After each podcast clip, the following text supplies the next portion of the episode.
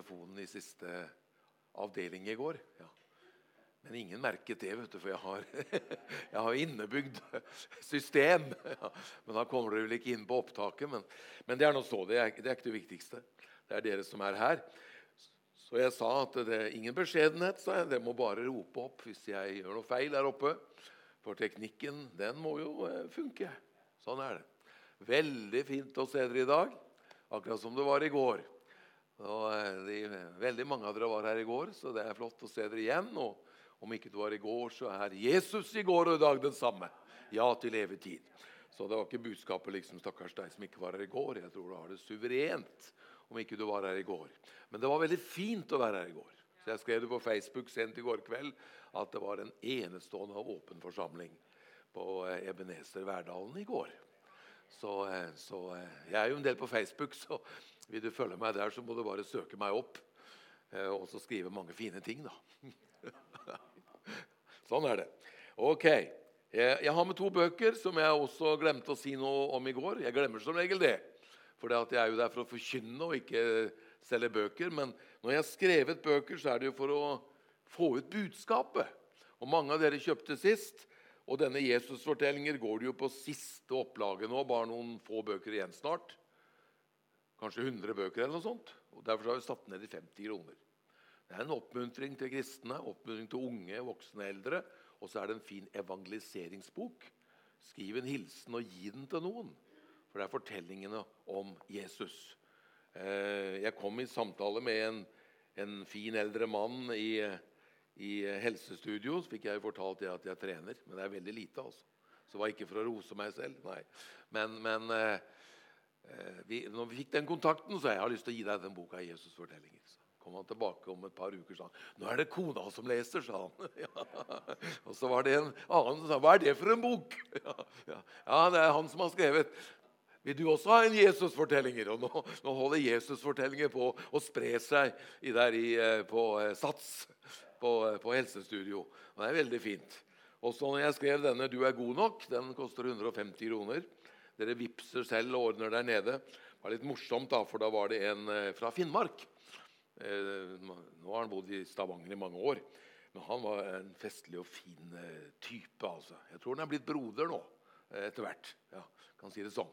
Men eh, så sa han jeg kjøper ikke boka di. Sånn. Jeg går inn på Stavanger bibliotek og spør om de har boka til Clemensen. Og det har de ikke, sa han. Men de bestiller den når jeg ber dem om det. Det er ikke det at de ikke kan kjøpe den, sa han, men jeg vil at den skal være på bibliotekene. Smart. ja. Så du vet, kjærlighet gjør oppfinnsom. Men eh, har du lyst til å ha med deg noe av de velsignelsene, så, så eh, må du bare kjøpe etterpå, eller gi til venner, du som kjøpte sist. Slutt å streve, begynn å leve. Det er nemlig budskapet. Så jeg ble veldig inspirert av sangen her. Så var det Steffen. Der er du, Steffen. Hei. Fikk snakket litt med deg i går. Og eh, Det var jo veldig inspirerende at dere får en praktikant. Jeg forteller veldig lite fra min ungdom. og liksom jeg, mange historier og sånn kunne jo stå og fortelle hele møtene. Men jeg, jeg forkynner Guds ord. Men så sper jeg kanskje på litt. Men eh, jeg vil bare oppmuntre deg, Steffen, for at eh, du har et potensial som Gud har gitt deg. Og det skal du ha tro på. Både at du er den du er, og det Kristus har gitt deg. Og, og, og det at du har en eh, smitteeffekt i deg pga. det livet Jesus har gitt deg. Eh, da jeg var 20 eh, år gammel, jeg hadde vært ute fra hjembygda og jobba i et revisjonsfirma et års tid. Men så opplevde jeg at jeg skulle hjem til hjembygda. Gud hadde noe for meg der hjemme i, i Hokksund, Øvre Eiker kommune. Og Det var flere små frimenigheter og pinsemenigheter rundt der. Og De hadde tidligere hatt en felles ungdomsmusikk. Og Så kom forstanderen og sa kan du Arnfinn, for du spiller jo gitar og synger, sa han, og så kan du starte opp i den ungdomsmusikken. Eh, så ba jeg litt til Gud, så kjente jeg Herren talte meg at ikke starte en tradisjonell ungdomsmusikk, men begynne et ungdomsarbeid. For nå er det en annen tid. Og spill på litt andre strenger. Eh, og, og Gud ga meg liksom et bilde da, av hva, eh, hva, dette kunne bli. Og så var det veldig spesielt, fordi at jeg fikk da akkurat de dagene jeg kom tilbake, så fikk jeg et brev fra pinsebevegelsen i Buskerud fylke om jeg ville bli ungdomsevangelist og reiste rundt i menighetene og ha møter for ungdom og inspirere ungdom. Og Jeg tenkte halleluja, Herren åpner veier. Uh, ja, ikke amen så raskt. Jo, det var amen, for det var bra. det var bra, det var riktig. Men så går jeg gjennom denne hovedgata der i uh, hjembygda i Hokksund, og så kommer det far til en skolekamerat av meg. Ikke en som jeg tror var bekjennende kristen, men han ble det. Uh, men, men, sønnen og jeg var gode venner.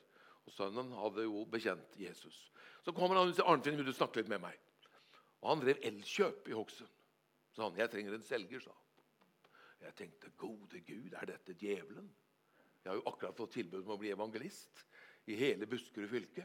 Og så prater han med meg og sier jeg, jeg, jeg ønsker å ha deg i butikken som selger.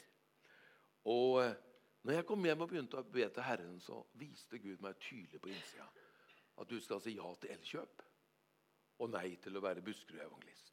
Og Det var stikk i strid med min egen tanke. Men poenget er jo at for det første at de tre årene som jeg ble i Elkjøp før jeg tok skrittet ut på full tid som evangelist og forkynner, det er noen av de åra i mitt liv hvor jeg har sett flest mennesker bli frelst. Da kommer jeg til poenget. Fordi at du vet, De aller fleste skal ikke være predikanter. Og, og Jeg aner ikke hvor du skal havne i livet, Steffen. Og, og, du er praktikant, og det er litt annerledes enn det var for meg på den tida. Men, så jeg prøver ikke liksom å, at Steffen skal kopiere meg. Men da klarte jeg å samle til slutt seks ungdommer i hele den kommunen som ville være med.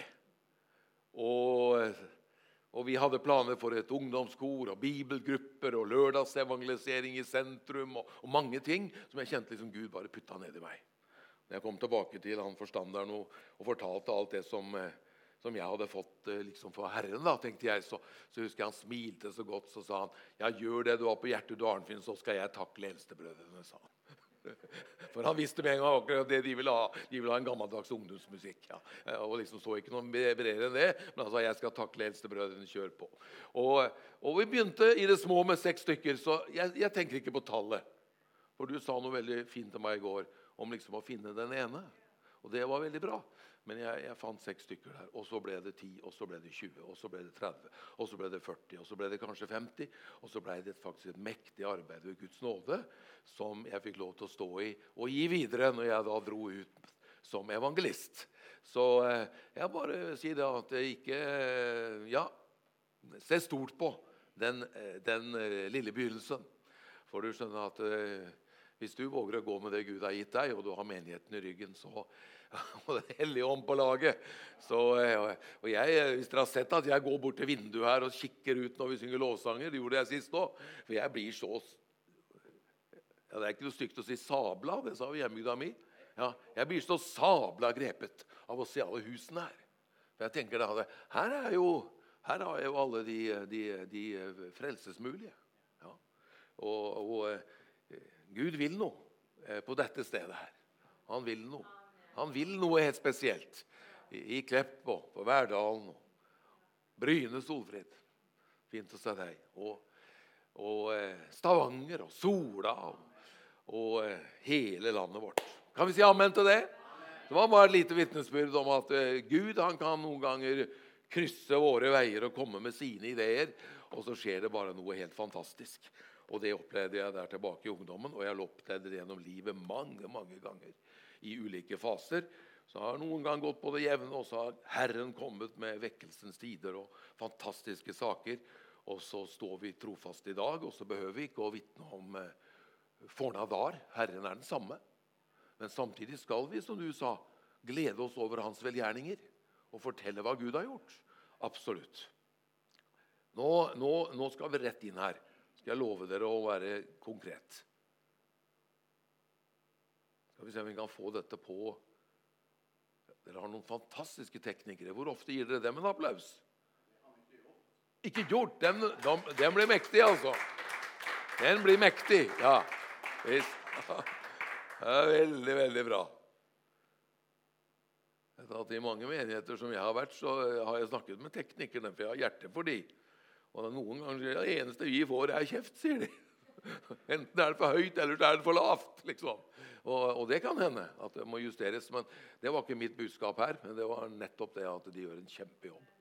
Så, så ikke glem å, å oppmuntre disse fantastiske gutta der nede. Amen. Der har vi det. Har alle sett at jeg har jakke nå? Ja.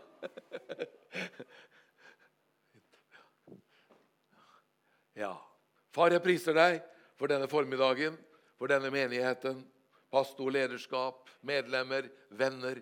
Jeg bare priser deg for hver og en. Og jeg takker deg for en åpen dør for ordet som har kraft i formiddag til å forandre menneskers liv ved Den hellige ånds kraft. Gi oss svar på spørsmål som vi tenker på. Gi oss kraft til å bryte gjennom kriser som vi står i. Gi oss legedom inn i sjelens sår og kroppens sykdommer. Jeg takker deg for at du er i går og i dag den samme. Ja til evig tid. Amen. Eh, vi har et tema denne helgen. Eh, det vil si, Temaet var jo egentlig for i går et eh, balansert liv. Men jeg har lyst til å følge opp i samme fotspor i formiddag og, ta med litt fra i går til å begynne med, kanskje ti minutter. Og så tar vi da de neste to timene på eh, dagens forkynnelse. Og det å bare le, for det var selvfølgelig en spøk. Jeg, satser på rundt halvtimen, og når pastoren eh, begynner å vinke, og sånn, så stopper jeg iallfall uansett. For man kommer som en tjener og ikke som en herre, så, så vi underordner oss lederskapet, selvfølgelig. Men eh, dere er veldig tålmodige, har jeg merket her på, på eh, Ebenezer. Det et balansert liv.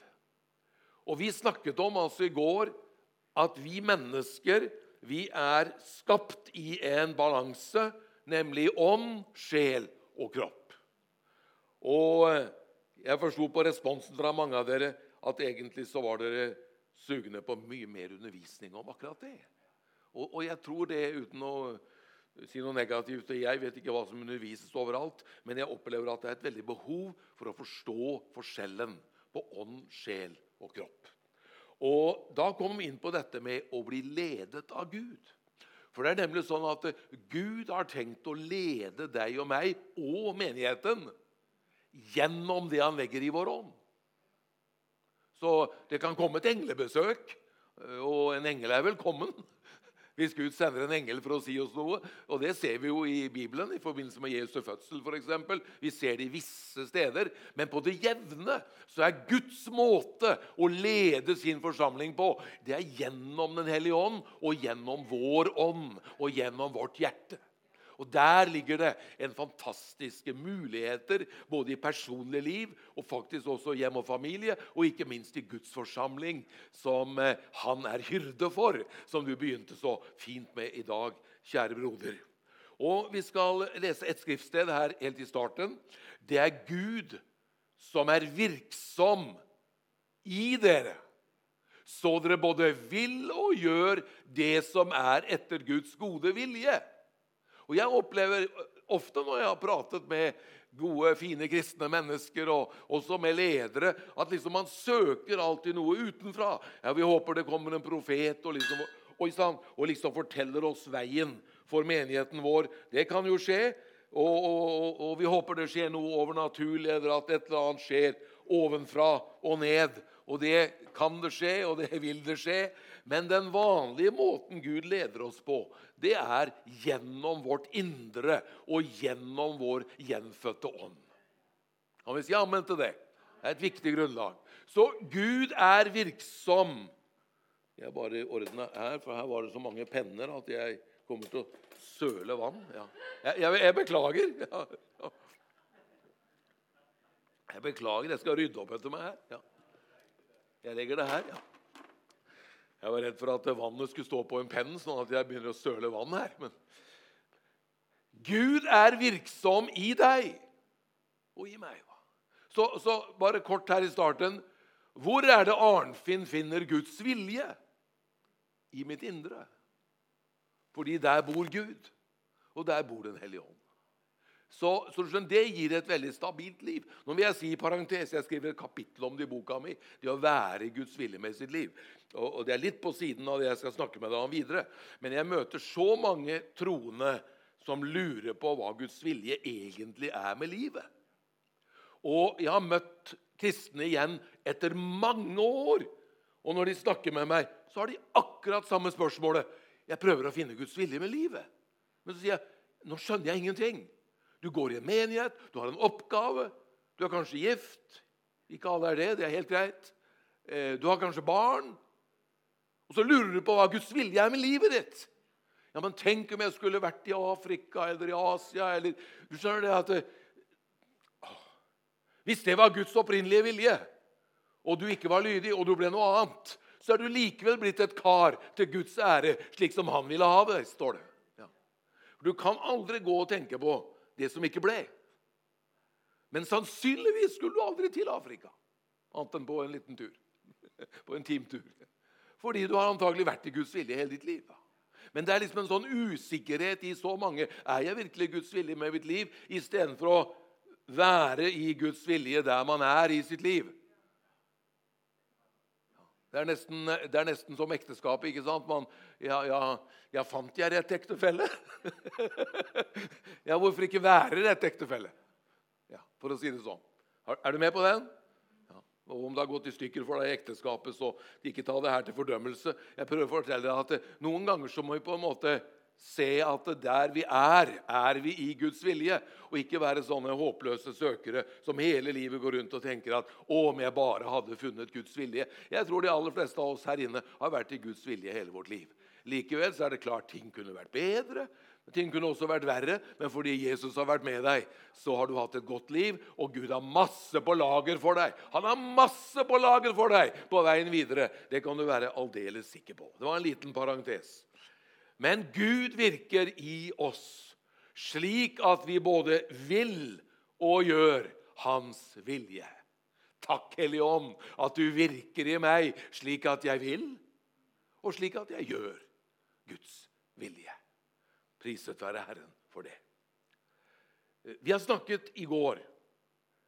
Det blir litt sånn seminar. og Ofte på gudstjeneste så liker jeg bare å slippe meg løs. Men er det greit at vi fortsetter litt seminarer fra i går? Dere som ikke var her i går, jeg tror at det eh, vil velsigne dere også. Og Da snakket vi om ånd, sjel og kropp. At mennesket er en tredelt skapning, men en helhet. Vi er ikke tre liksom separerte deler uavhengig av hverandre. Det henger sammen. Og jeg hører noen snakke om Guds ånd, sjel og kropp.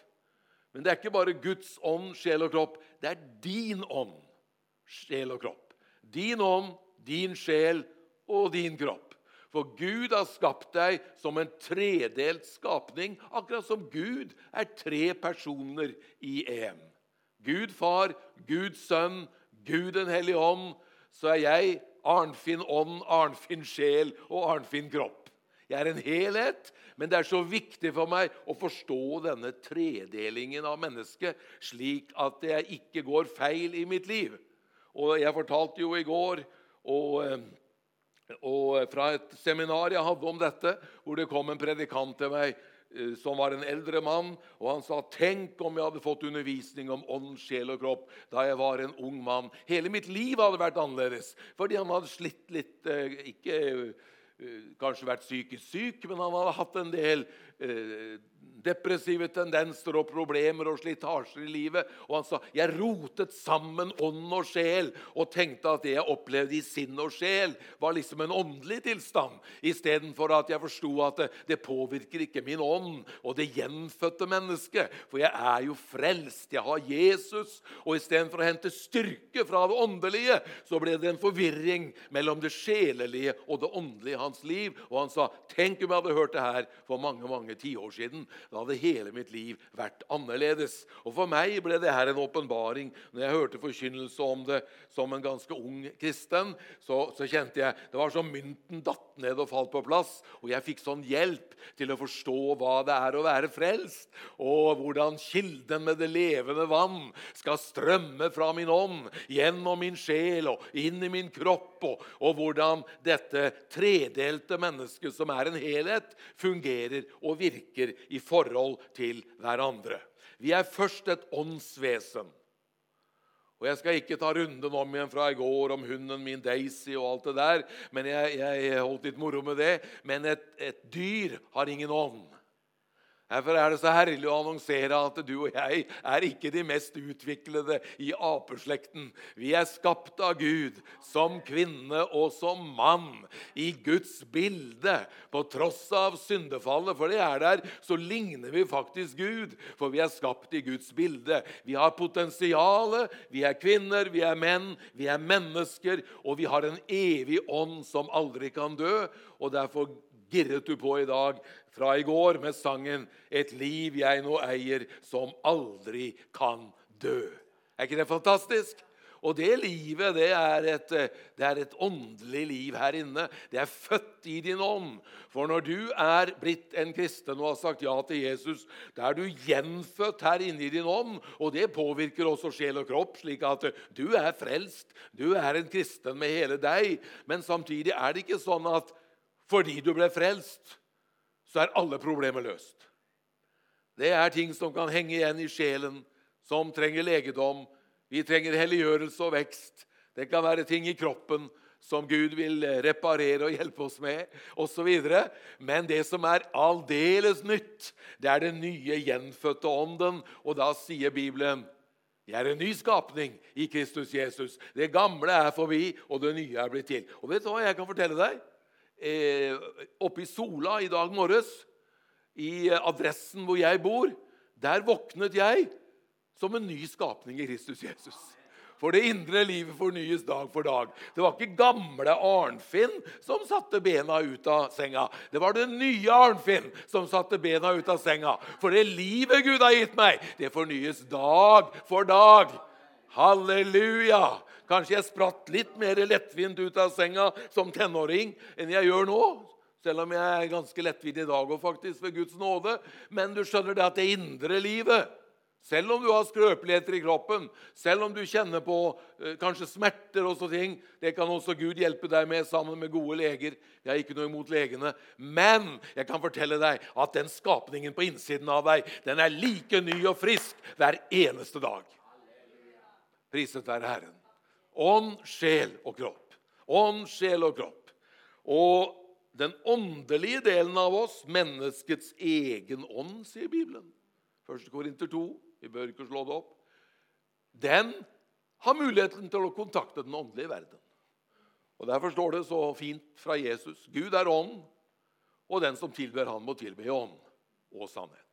Men vi har altså fått en kanal som når Gud og det er den åndelige delen av oss. Sjelen handler om det mentale og psykiske og vilje og intellekt og alle sånne ting. Derfor sier Paulus at når jeg taler i tunger, da ber jeg fra min ånd. Og når jeg bruker, ellers så bruker jeg forstanden og taler fra min sjel og mitt intellekt, som jeg gjør akkurat nå. Også det er salvet av Gud når det overgis i Herrens hender. Og kroppen også er et tempel for Den hellige ånd. Vi skal videre inn i det som er liksom, ikke bare liksom, men som virkelig er budskapet for i formiddag. La oss lese 1. Tessaloniker 5,23. Må Han, fredens Gud, hellige dere helt igjennom. Ånd, sjel og kropp, og må deres ånd, sjel og kropp bli bevart uskadd, så dere ikke kan klandres for noe når, dere, når Herren Jesus Kristus kommer. Det er en mektig preken som kan få ligge. Jeg ville bare fokusere på ånd, sjel og kropp. Og Jeg vil at du skal gå ut herfra i dag og vite at eh, du er ånd, og du er sjel, og du er kropp. Og dypest sett er du en ånd, et åndsvesen. Derfor er ikke mennesket et dyr. Et menneske er et menneske, skapt med en evig ånd. Og derfor ligner vi Gud, for han er ånd. Priset være Herren for det. Og Denne illustrasjonen som jeg viste i går, hvor det står på engelsk 'spirit, soul and body', ånd, sjel og kropp, viser at her er det tre deler av mennesket, men så ser du at de er innflettet i hverandre, slik at de møtes i midten i en helhet. Ånd, sjel og kropp. Og det er veldig, veldig, veldig spennende. Så vi må forstå forskjellen på sjel og ånd. Og Det er derfor jeg ønsker å snakke med deg om å være ledet av Gud. For det er så mange som lar seg lede av Gud gjennom sin sjel.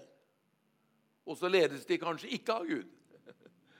Fordi at eh, hvis du lytter til sjelens røst og følelsenes røst, og ikke lar din gjenfødte ånd prege livet ditt, så kan du veldig lett gå feil i mange ting.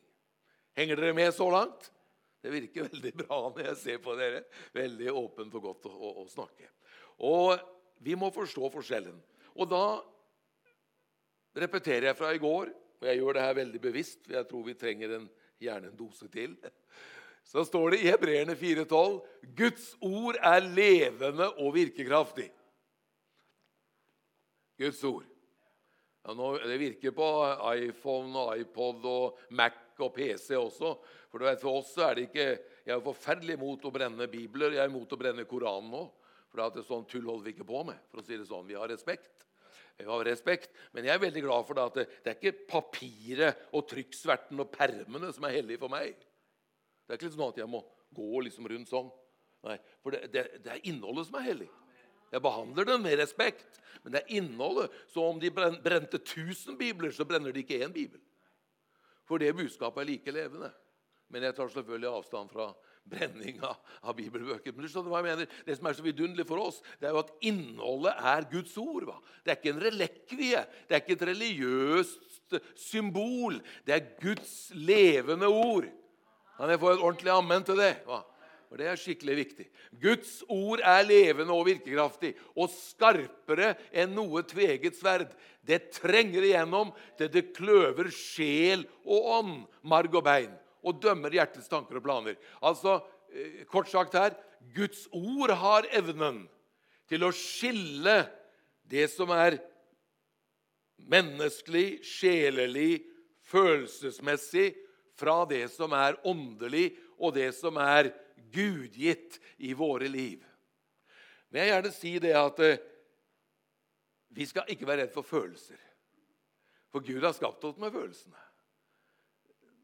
Du spilte så vakkert på pianoet. Og, eh, og når du satt der, så tenkte jeg der sitter Den hellige ånd. Og, og piano, det er sjelen. så, så den, den, den hellige ånd bor i oss, og han vil spille på sjelens strenger. Og vi er sammensatt litt følelsesmessig forskjellig. Vi er eh, ekstroverte eller introverte eller noe midt imellom. Og, og vi har ulike typer personligheter, vi har ulike talenter. Alt dette vil jo Den hellige ånd og vår ånd spille på som den vakreste musikk. Men så har vi også i vår sjel og i vår kropp det Bibelen kaller kjødet, som har tendenser som er negative. Og da har vi en seier i vår ånd til å overvinne det negative, fordi vi har Jesus selv boende her inne i vårt hjerte. Vi er nemlig født på ny. hva? Vi er gjenfødte mennesker. Vi er født på ny. Og her inne i min ånd bor Guds ånd. Og Guds ånd har kontakt med Guds ånd i himmelen. For det er den samme ånd. Den er både i himmel og på jord. Priset være Herren for det. Slik at eh, inne i meg, da, for å si det sånn. Eller her står jeg som et eksempel. Jeg kunne tatt fram deg med kroppen min, og så har jeg sjelen min, og så har jeg ånden min, og der inne i ånden min, der bor Guds ånd. Romerne 8. Ånden vitner med min ånd. Guds ånd vitner med min ånd at Arnfinn er Guds barn. Det er liksom en stemme der inne hele tiden. Arnfinn, du er Guds barn. Slapp av, du er Guds barn. skjønner du. Ja, du er Guds barn. Det er et vitnemøte der inne. Herlig vitnemøte. Den hellige ånd og min ånd samstemmer i at jeg er et Guds barn. Det er en vidunderlig sannhet. Men når du fyller deg med Ordet Jeg vet at jeg sa det samme i går. Av en eller annen grunn så, så kjenner jeg liksom at jeg skal si dette om igjen i dag, selv om jeg hadde tenkt å være lenger framme nå og jeg skal komme i land. Ja. Men, men, men, du vet at når du fyller deg med Ordet Jeg fortalte i går om mamma og, som, som, leste Bibelen, og det gjør du òg. Og, og, hver morgen jeg våkna og sto opp, skulle på skolen, så lå Bibelen oppe. Og så hadde hun ofte fått et ord. Hadde vi problemer i familien og noe ikke var helt i orden, og mamma sa 'jeg har fått et ord', da visste lille Arnfinn at problemet er løst. Og du skjønner det at Hvis du er full av Guds ord, så vil du aldri mangle Guds ord når krisen, sykdommen, problemene er der, for da popper det opp. Jeg sier noen ganger at det er nesten som popkorn. For at du har fylt deg opp med Guds ord. Så vær glad for at du går i en menighet hvor Guds ord forkynnes. For det betyr at du fylles på, og så leser du hjemme, og så fyller du på. Og når du trenger det, så kommer det opp. Og når sjelen vil dra deg av sted på vidvanke, så kommer det opp et ord som drar deg tilbake igjen på plass. For Guds ord skiller sjel og ånd. Halleluja. Og Derfor kan vi leve åndelig liv og ut fra Guds ånd i vårt hjerte. Ikke loviske liv, ikke dømmende liv, men vi kan leve, leve levende liv ut fra Guds ord i våre hjerter. La oss gå ett skritt videre her. Henger vi med? Jeg ser det. Dere smiler og nikker hele tida. Jeg er ikke ute etter de høye hallelujarop, men det er fint når de kommer òg. Men, men, men, jeg bare kjenner det at det er så godt å kunne kommunisere med dere sånn som jeg gjorde i går. Den hellige ånd, personen Den hellige ånd, han bor i oss. Jeg vet ikke, jeg har fortalt uh, mange ganger om når jeg var på seminar med pastor Jon Guichou på 80-tallet. Kanskje jeg fortalte det sist jeg var her. Jeg forteller det ofte. Solfrid, som kjenner meg gjennom mange år i Karisma, har hørt det ca. 114 ganger. eller noe sånt. Mm -hmm. Men, men eh, som ung predikant var jeg på seminar med verdens mest kjente pastor, David Yong-Gishu fra Full Gospel Church i Seoul i Korea. Jeg tror de ble 800 000 eller noe sånt medlemmer til slutt. Han er nå hjemme hos Herren. En vanvittig vekkelse. Korea hadde jo 0 kristne i år 1900. I dag er jo de fleste kristne, og ikke bare navnkristne, men store prosenttall av folket i Korea er jo levende kristne. Det er jo helt fantastisk. Det viser hvordan evangeliet kan forandre en nasjon.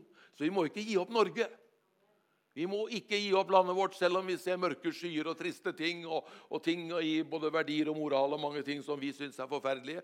Så skal vi ikke akseptere det, men vi skal ha tro på at Gud kan gjøre om igjen det han har gjort i Norge før, og det han har gjort i mange land. For Gud vil bruke oss til en forandring. Og Så sitter Arnfinn der på seminaret, og så står denne lille koreanske broderen og forteller. Eh, fra, eh, og så sier han det at eh, dere kan bare legge ned skriveblokker og blyanter, for da hadde jeg minst like mange penner eh, som ligger her oppe. Og, og, stor skriveblokk, for jeg skulle skrive alt det som denne visdommens kilde fra Korea sa. Legg det ned, sa han. Jeg skal bare snakke med dere om mitt personlige fellesskap med Den hellige ånd. Wow, tenkte jeg. Mitt personlige fellesskap med Den hellige ånd. Jeg hadde hørt om å bli døpt med Ånden, tale i tunger, nådegaver, eh, Åndens virkninger. Men det å liksom utvikle et personlig forhold med Den hellige ånd. Og Så gikk han og snakket der i dag etter dag, faktisk, og tok han oss inn i den verdenen av sin personlige relasjon med Ånden. Han sa ting som jeg tenkte først Går det an for en pastor? Han sa jeg bruker noen timer hver dag på golfbanen. sa Jeg trodde du hadde det travelt, tenkte jeg. ja. Men han sa når jeg går der og slår disse ballene ut i naturen, sa han, da snakker jeg ved Den hellige ånd. Og så snakker han til meg. Så lytter jeg, sa han. Og så gjør jeg det han ber meg gjøre. Det er ikke noe annen hemmelighet. Så skriv én setning, sa han. Jeg ber, lytter og adlyder.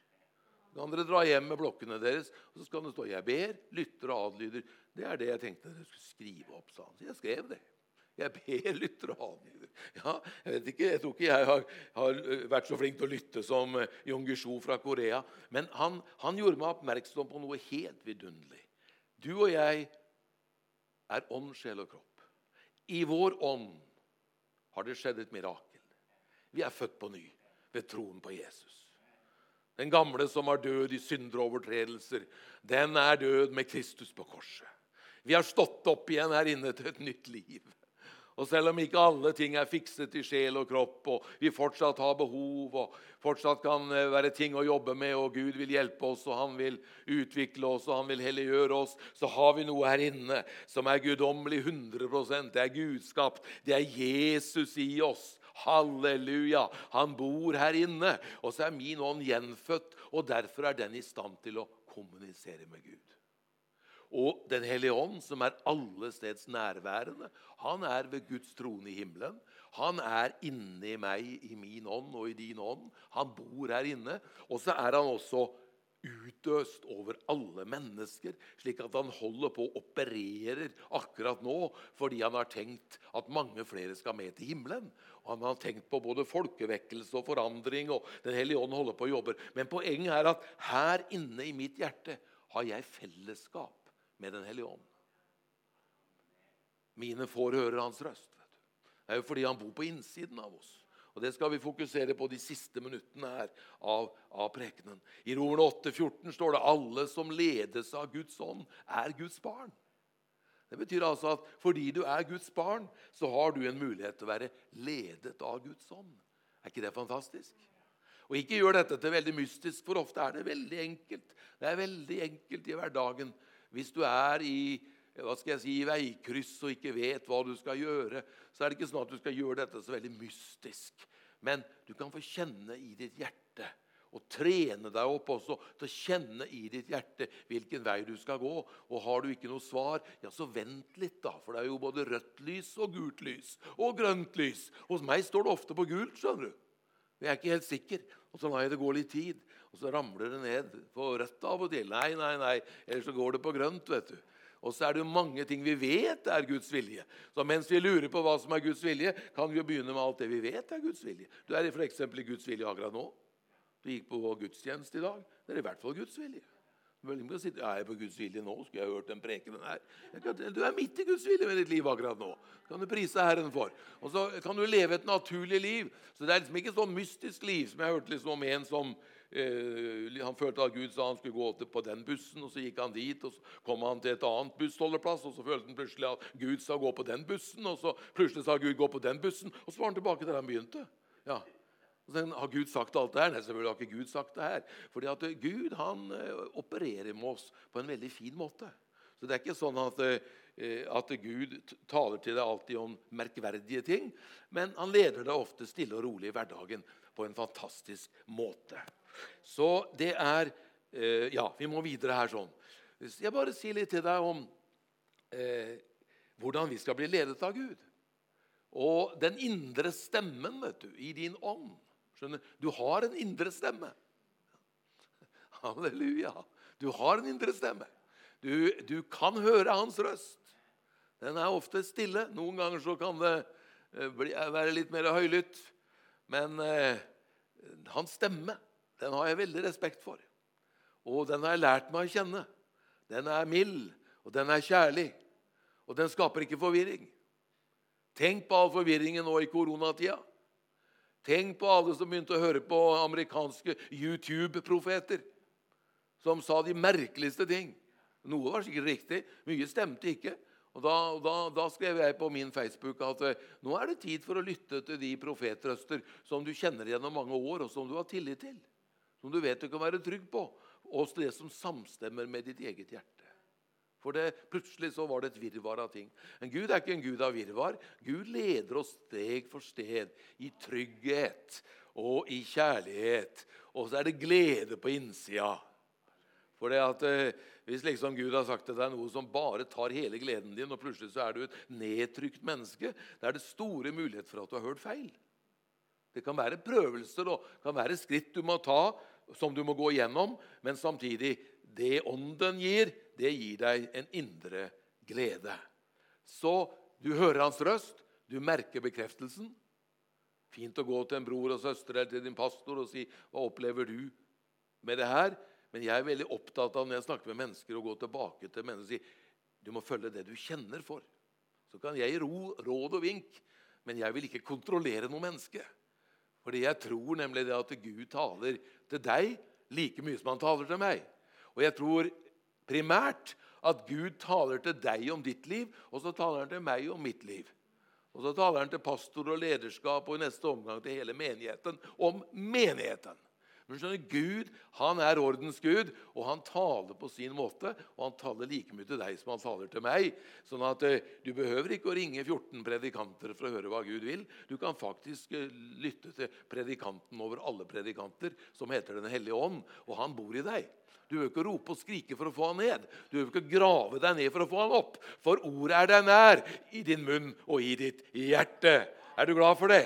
I Jesu navn. Og Jeg håper at det her inspirerer deg litt. Jeg går inn i siste fem minuttene tror jeg, når jeg ser på pastoratet her på første benk. Nei, han sier motsatt, men jeg skal være flink, da. Jeg skal være flink. Halleluja. Er ikke Gud en god Gud? Gud er en god Gud, og han vil det beste for deg. vet du. Han vil det beste for meg. Han vil ikke rote deg inn i en masse forvirring, så ikke du vet hvilken vei du skal gå.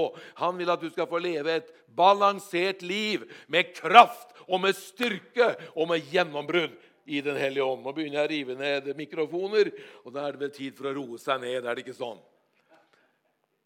La meg ta to ting med deg før jeg avslutter. Behøver vi å be om tegn? Nå skal jeg først si det. At eh, jeg har opplevd at Gud har svart meg når jeg har bedt om tegn. Jeg husker spesifikt en gang i forbindelse med å virke en tid i en forsamling mange år tilbake, før jeg kom til Stavanger. Så var jeg så usikker at til slutt så ba jeg om et helt spesielt tegn. Jeg ba om at en skulle ringe på et helt bestemt klokkeslett. Jeg var så bestemt. Jeg er barnslig, vet du. Ja, vi er jo Guds barn. Så han lo litt der oppe, da. Han, han kunne ikke bare hørt på sin ånd. Kunne ikke bare lytta til der inne, da. Men ok, da, siden han er så svak i troen, så får jeg ordne det her, sa Gud. Ja, ok, sa Jesus. Hellige ånd, dra ned og fiks opp her. Og så talte Den hellige ånd til en mann eh, i, i, forbindelse med den menigheten da, og det prosjektet jeg var usikker på. Og så ringer han på minuttet, det, det som jeg har bedt om. Og, og da visste jeg jo, og så kjente jeg samtidig freden der inne. For Hvis ikke du kjenner freden der inne, pass på. For du skjønner at eh, Det kan være uro en stund og litt kamp, og sånn, men det er freden som kommer. Gud leder oss i fred, og han leder oss i glede. Kan du si amen? Det er kjempe, kjempe, kjempeviktig. Og, og, og så kom freden, og så kom gleden. Og så har jeg opplevd det noen få ganger. Og så eh, eh, hadde jeg en bestemor da, som elsket mannakorn. Er det noen som vet hva det er? De som er under 50, har jo ikke hørt om det. Men uh, du trekker i en boks, ikke sant? Det var jo alltid, fine ord å få, for der var det jo bare lagt inn sånne gode ord. Ja, Frykt ikke og sånn hele tiden. Ja. Men vi trakk masse mannakorn med bestemor. Jeg, jeg har enkelte si det at, eh, at eh, liksom de fikk Guds svar gjennom mannakorn. Og, og noen har mista Bibelen i gulvet, og når de ja, tok den opp, så var det ordet de trengte. Og, altså, jeg, jeg, tror Gud kan gjøre mange ting i våre liv. Så bare så jeg har sagt det. Men, men det er ikke det er ikke sånn Gud egentlig skal lede oss. Du vet, Gideon han sa hvis du skal bruke meg til å eh, vinne for Israel, så var det vel eh, denne ulldotten ute på treskemarken. Og Den første natten så sa han hvis bare, var det ikke da bare ull, ullen er våt. tror jeg det var, første natten. Om det er motsatt, så ikke vær for streng med meg. Men, eh, og neste morgen, Gud, hvis den ulldotten er våt, og, og, hele åkeren eller hele gressmatta for å si det sånn, er eh, tørr, da skal jeg tjene deg. Og det skjedde, Men han var ikke sikker da heller. Han sa motsatt Gud. og, og, og, neste morgen var det motsatt. Da var hele eh, gressmatta våt, og så var ulldotten tørr. Og Da begynte han å skjønne noe, og så hadde han masse unnskyldninger. 'Jeg er den ringeste og svakeste.' Og Herren bare sa 'overruled'. Det, det, gjelder ikke. Jeg har kalt deg. Skjedde det fantastiske ting. Nå bor faktisk vi i, et, i en ny pakt. Sånn at eh, når jeg leser eh, Paulus og brevene og alt det der, så ser ikke jeg det at Paulus hele tiden sier 'husk å be om tegn'. Husk å be om at hvis sola skinner klokka 11 i morgen, da skal du til Motius reise til dit og dit. Og hvis sola ikke skinner, skal du ikke reise dit. Og husk, kjære Filemon, at hvis en uh, ringer deg Nå har ikke telefoner, da, da, men du skjønner budskapet. Hvis en kommer på døra di klokka fem over tre i morgen ettermiddag, da skal jeg bruke deg. Hvis han ikke kommer fem over tre, skal jeg ikke bruke deg. Og vet du hva? Jeg har et budskap til deg i dag. Faktum er at i den nytestamentlige menigheten så er ikke tegn normalen. Og I mitt liv så er tegn ofte et svar på at jeg ikke har vært i stand til å høre. Og så har jeg også opplevd at tegn har gjort meg forferdelig forvirra. Hvis det regner, Gud, klokka tolv i morgen formiddag, da skal jeg dra ut på det prosjektet. Det regna ikke. Herre, en dag til. Det regna ikke. Holder man på lenge nok, så kommer det til å regne. Iallfall her i Rogaland. Så, så tegnet slår til. Vel, ok. Eh, Skjønner du hvor jeg vil hen her? Jeg vil bare dit hen at Gud har gitt oss en bedre måte å bli ledet på. Han vil lede oss gjennom sin røst i vår ånd, i vårt indre, i vår gjenfødte ånd. Og så kan det også det plusses på med at ting skjer overnaturlig. Et englebesøk, en profeti, til og med et tegn. Men, men den normale måten å bli ledet av Gud på i den nye pakt For faktum er at Gideon han hadde ikke Den hellige ånd på innsida, sånn som du og jeg har. For da kunne jo Gud bare sagt Gideon, lytt til åndens røst i ditt hjerte. Men siden eh, Golgata ikke hadde skjedd, siden Jesus ikke hadde oppstått, siden forsoningen ikke hadde skjedd, så levde de under det at ånden var over dem. Men vi lever under det at ånden er både over oss og i oss. Så vi har tilganger på fantastiske ting. Er du glad for det? Er du glad for at jeg snart skal slutte å tale nå? ja, Bare vær ærlig, for det, det, tåler jeg godt. Jeg har et punkt til. Jeg bare sier at det, det normale for en nytestamentlig kristen er ikke å be om tegn, for det kan skape veldig mye forvirring. Men, men, om det skjer i ditt liv, så takk Gud for det. I min barnslighet har det skjedd flere ganger.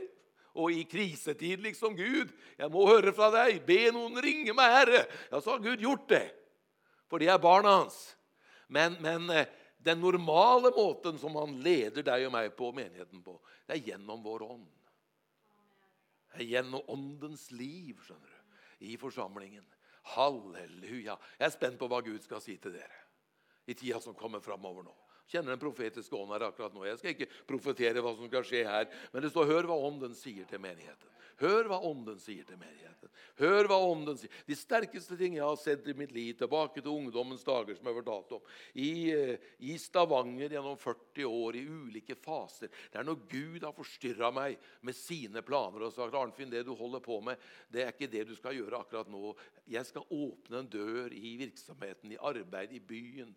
Og så har jeg sett folk bli frelst og døpt, og, og, og, og ting har brutt igjennom, og nye ting har kommet, og uh, fantastiske ting. Fordi at uh, i min svakhet har jeg likevel fått lov til å høre hva Ånden sier til menigheten. Og av og til når jeg har kommet til menigheten og, og sagt at jeg opplever at jeg skal gjøre det og det, så er det ikke sjelden at det har kommet folk opp til meg og sagt ja, dette har vi bedt om lenge at du skulle se. Men de er litt forsiktige, ikke sant? de som er pastoren. Og, og, og sånn. Og så, ja, jeg har bedt om at du skulle se det her, du òg, liksom. Og da kjenner jeg oh yes, amen. Den hellige ånd. Og vi har besluttet. Halleluja! Det er liksom ikke bare en håndsopprekning. Det ble liksom 51% mot 49% liksom. Vi skal gjøre det. Men Den hellige ånd og vi har besluttet. Og så kommer mitt siste punkt. Og Det handler rett og slett om Kanskje jeg har lagt inn litt mye til deg i dag, men jeg skal gjøre det her kort. Hva med profetier? Vet du hva? Jeg tror på de profetiske gaver. Jeg tror det fins profetiske forkynnere som forkynner ut fra en profetisk gave. Efeserne 4,11. Gud satte i menigheten apostler, profeter, evangelister, hyrder og lærere. Og, det har jeg alltid vært nøye på, iallfall i min pastortid, at menigheten får inn forkynnere som har ulike av disse tjenestene. For det, for det at ingen pastor har alt sjøl. Ikke du, ikke jeg. Ingen. ingen. Og, derfor så, og, derfor kaller du sikkert på meg òg, fordi at jeg har noe å bringe inn. Og sånn, sånn, gjør et lederskap. Det er flott. Men den profetiske tale tilhører oss alle. Både du og jeg kan profetere når Den hellige ånd kommer over oss. Det sier Paulus. Dere kan alle profetere. Og mange kristne har jo profetert uten å vite om det. De har bare sagt noe av oppmuntring til noen som kom fra hjertet. For profeti i den nye pakt er ikke først og fremst å stå med høy røst og rope du skal gjøre det, og du skal flytte dit, og du skal ta den utdannelsen, og du skal reise dit. Og... Der får du gå med Gud og følge ditt hjerte. Men, men det handler om oppbyggelse, formaning, oppmuntring og trøst. Så vi kan formane hverandre, oppbygge hverandre og trøste hverandre med profetiske ord og profetiske hilsener imellom oss i forsamlingen, og av og til fra plattformen også. Og mellom oss i forsamlingen. Så la oss åpne oss opp for den profetiske gave. Men jeg skal bare si til deg til slutt her eh, noe som jeg er veldig eh, opptatt av. Og det er for det første at vi skal være åpne for profetier. Men det er ikke viktigere en åndens stemme inni deg. Halleluja. For å si det sånn. Det er en av de hjelpemidlene Gud har gitt oss. Og det er altså oppbyggelse, formaning og trøst. For det andre alle profetier må prøves. Prøves.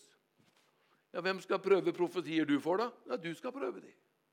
Du kan eventuelt snakke med noen du har tillit til, og prøve de. Men jeg kan fortelle deg at jeg har profetert så mye over mitt liv på en gang at hvis jeg skulle gjort alt det, så måtte jeg iallfall hatt mitt eget jetfly. For noen har profetert at jeg skulle dit, jeg skulle dit. Og en gang for mange år siden i Stavanger så fikk jeg brev fra tre menigheter om at Gud hadde lagt på hjertet dem sånn at jeg skulle flytte som pastor dit. Ja. Og de, Alle nevnte ordet Gud. Men i mitt hjerte var det ett ord Stavanger. Stavanger. Stavanger. Ja. Og det er ikke fordi at de lederskapene var noen dårlige folk. og sånn. De hadde lyst til at jeg skulle komme. Stor tillit. Men liksom, de opplevde i sine følelser at det var det beste. Men jeg måtte jo høre på min stemme. Ja, ja. Og, og, dette tror jeg er så viktig. Så det er ikke sånn liksom at uh, hvis man er ute etter en ektefelle, så må man finne noen som skal profetere hvem det er. Nei, du får velge sjæl. Og, og er det respons, så kan det jo bli noe. For det er jo to som skal velge. Vi må ikke bli sånne overåndelige vesener. Jeg tror ikke dere er det her. altså. Jeg har bare hørt de mest meningsløse historier om profetier som har gjort meg rett og slett både nesten livredd noen ganger. Når jeg hører noen kommer til meg og forteller at jeg har fått det profetert på bibelgruppa mi at jeg, ja, men Kjære venner, stemmer det med hjertet ditt? Nei, jeg har ikke hatt et rolig moment siden. Altså, jeg, jeg, gjør det hvis Gud vil det, men jeg får ikke ro. Ja, Men det står jo da at Guds vilje gir fred og glede i hjertet. Amen. Og Derfor er jo vi forsiktige òg, selv om vi kan stå opp og profetere. Så hvis jeg profeterer til en enkelt person, så sier jeg alltid 'passer trøya, så ta på'. Passer ikke trøya, så var det kanskje jeg. Og nå er jeg langt ute og sykler her, og langt over tiden. Men jeg har sagt i Karisma mange ganger at når Arnfinn profeterer, er det en god dag, så kan det hende jeg er oppe i 80% Gud og 20% meg. Har jeg sovet dårlig om natta, så kanskje jeg er nede i 50 det, det er litt sånn, for vi har respekt for de åndelige gaver. Eh, absolutt. Men vi må aldri tenke det at et profeti er Bibelen. Derfor er jeg ikke så opptatt av å skrive opp profetier. Jeg er opptatt av å finne hva var budskapet Gud ville gi meg. Gjennom den bror eller søster. Ikke liksom hver setning, for da blir det nesten en sånn ekstra kapittel i Bibelen. liksom ja, Arnfinn kapittel 1 vers 17, liksom, som er like viktig som Bibelen. Men det som går gjennom mennesker, det må prøves. Men profeter, kjære folk! Profeter, profeter, profeter. Oppbygg mennesker, hjelp mennesker, velsign mennesker. Og det du får servert fra andre, og til og med fra prekestolen, fra meg og til og med pastoren og gjestetalere osv. Du kan prøve det, for Bibelen sier at vi skal prøve det. På hva? På ordet. Ikke det herlig? Så Jeg snakker ikke mot profetier. Jeg har profetert mye, og jeg er veldig åpen for det. Men jeg har også sett at det har ledet en del mennesker litt feil fordi man ikke skiller sjel og ånd. Så, eh, og så må du aldri styre andre ved dine profetier. Og du må ikke la deg bli styrt av andre ved profetier. Takk Gud for det. Og så må vi huske det at profetier beviser ikke hvor åndelige folk er. Det er jo så herlig vet du, at en nyfrelst kan jo profetere. Ja. Han, han, fortalte det samme i Ungisjo i det seminaret. husker jeg. Så fortalte han at eh, når menigheten begynte å vokse i Korea, der, så plutselig på et møte så kom det inn en, en prostituert kvinne. Og, og hun eh, tok bare imot Jesus der i benkeraden og begynte å tale i tunger og prise Gud. Ja. Og så var det flere av de eldste i forsamlingen som ikke hadde opplevd tungetalen. Og de, de, hadde blitt så sinte. Ja. Her kommer hun inn, rett fra gata. Taler i tunger, og kanskje profeterte òg. Og ja, og da husker jeg Dette har sikkert dere opplevd noe kan ha opplevd noe lignende. noen av dere. Og han sa det til henne, til brødrene at skjønner du, at jeg tror hun behøver det mer enn dere. er det noen som trengte Den hellige ånds dåp, så var det henne. Som lever det livet hun lever. Men Gud skal gi det til dere også, for han gjør ikke forskjell på folk. Han gjør ikke forskjell på folk.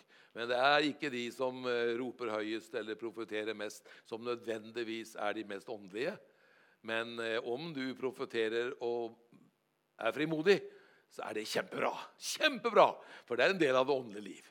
Så eh, vi avslutter her. Og jeg har prekt vel og lenge men liksom det var på en måte, denne gangen så gjorde jeg sånn at det var på en måte en litt forlengelse av seminaret fra i går. da. Og så skal vi be sammen, for sånn Gud kommer til å bruke deg til fantastiske ting. Gud har enestående ting for denne forsamlingen. Halleluja. Takk, Gud. Jeg, jeg skulle ønske han hadde vist meg, men han kommer sikkert ikke til å vise meg. Han kommer til å vise dere eh, hvordan dere skal gjøre det, og hva dere skal stå i. Halleluja. Herren virker i deg både å ville og gjøre etter Guds vilje. Herren virker i deg. Herren virker i Kan vi si det høyt?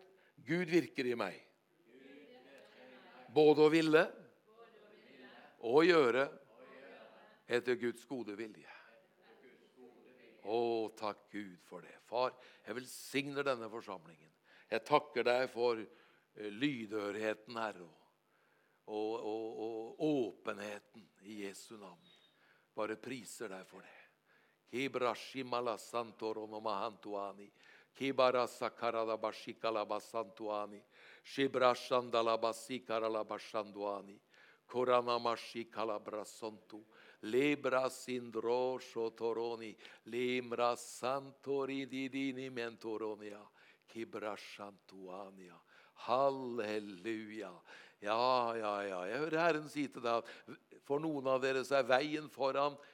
ganske stenet og bratt. Det er som du klatrer opp et fjell, og du vet ikke om du klarer å komme over. liksom. Eh, eh, det som du skal over, eller det du skal igjennom. Men du skal vite da at Guds dynamiske kraft er til stede i ditt liv. Han kommer til å løfte deg, og han kommer til å ta deg igjennom. Han kommer til å ta deg igjennom. Og du skal vite at det er en ende på den prøvelsen du er i akkurat nå. Det er en utgang på den lidelsen du opplever akkurat nå. Det er en seier som kommer i ditt liv gjennom det du står i akkurat nå. Derfor skal du løfte blikket og se på meg, sier Herren sånn. Og jeg skal denne formiddagen inngi i deg et trykk av min ånd som løfter deg opp over det som har vært over deg. Ja, du er allerede over det som er over deg, fordi jeg har satt deg over. I meg, sier Herren sånn til deg. I Jesu navn. I Jesu navn. Skal vi bare stå opp her til slutt? og Vi skal kanskje synge og sånn. og, eh, og eh, Det er mulig at jeg har sprengt tidsramma litt her i formiddag, men det, det går visst veldig bra. Men jeg vil gjerne be en bønn nå for deg som har sykdom i kroppen din. Du skal få legge hånda på det syke stedet ditt. Fordi at jeg opplever at eh, hans helbredende kraft er her. Og, eh, og eh, Personlig så har jeg hatt en ganske tøff runde med korona. Og Det trodde jeg aldri at jeg skulle få. Jeg er ikke håndmodig, men jeg har tatt tre doser med vaksine. og Jeg tenkte at den sykdommen når aldri meg. Så jeg tror ikke jeg var håndmodig, men bang, der var det. Så For tre søndager siden så måtte jeg ringe, ringe Tormod, pastoren vår, og, og, si at jeg håper du har en god preken på lager, for jeg kommer ikke. Jeg var rett og slett så sjuk. Men, eh, men jeg, er ikke smittefarlig. Det er lenge siden. Ja. Og, og, men, eh, men, jeg tar gjerne imot en del litt mer legedom fra Herren, for jeg, jeg kjente jeg har vært veldig slapp etterpå. Ja, men det var jo bare en liten ting. Men kanskje noen her sitter med alvorlige sykdommer. Jeg har nære i familien som har vært gjennom kreftoperasjon. Og, ja. Så vi, vi, vet noe om dette, alle sammen. Og jeg vet at noen av dere har sikkert eh, sykdommer, noen alvorlige sykdommer, eller kanskje hjemme har du en ektefelle, et barn, en forelder. Og så kan du også løfte en hånd for dem, eller legge hånda på det syke stedet. Og så skal vi be nå om legedom. Amen. Vi tror på det nå. I Jesu navn. Amen. Ja, Herre, jeg priser deg. Jeg lover deg. Mm. Takk, Herre. Takker deg at det strømmer nå helbredende nåde fra korset inn i våre liv akkurat nå. I Jesu navn. Jeg priser deg for det, Herre. Det strømmer inn i våre liv nå. Det strømmer inn i en rygg, det strømmer inn i hofter og knær. Det strømmer inn i muskler og muskelsykdommer. Det strømmer inn i hodet. Det strømmer inn, her. Halleluja! Takk at det kan fjerne svulser. Det kan lege hva som helst. Jeg lover deg for det. Og så vet du om de som har noen hjemme i nær familie som har sykdommer, som de kanskje kan gå hjem nå etter, denne, etter møtet og legge hendene på. Fordi det er en salvelse over oss nå til legedom ved Jesus sår. Ved hans sår har vi fått legedom. Og Derfor ber jeg om det at din legedom strømmer inn nå, i Jesu navn. Ja, amen, amen, amen. En varm strøm inn i ryggen her, en varm strøm gjennom hele skjelettet. Jeg lover deg for det i Jesu navn, og jeg priser deg, Herre, for at det er legedom ved dine sår. I Jesu navn. Imra hantonia.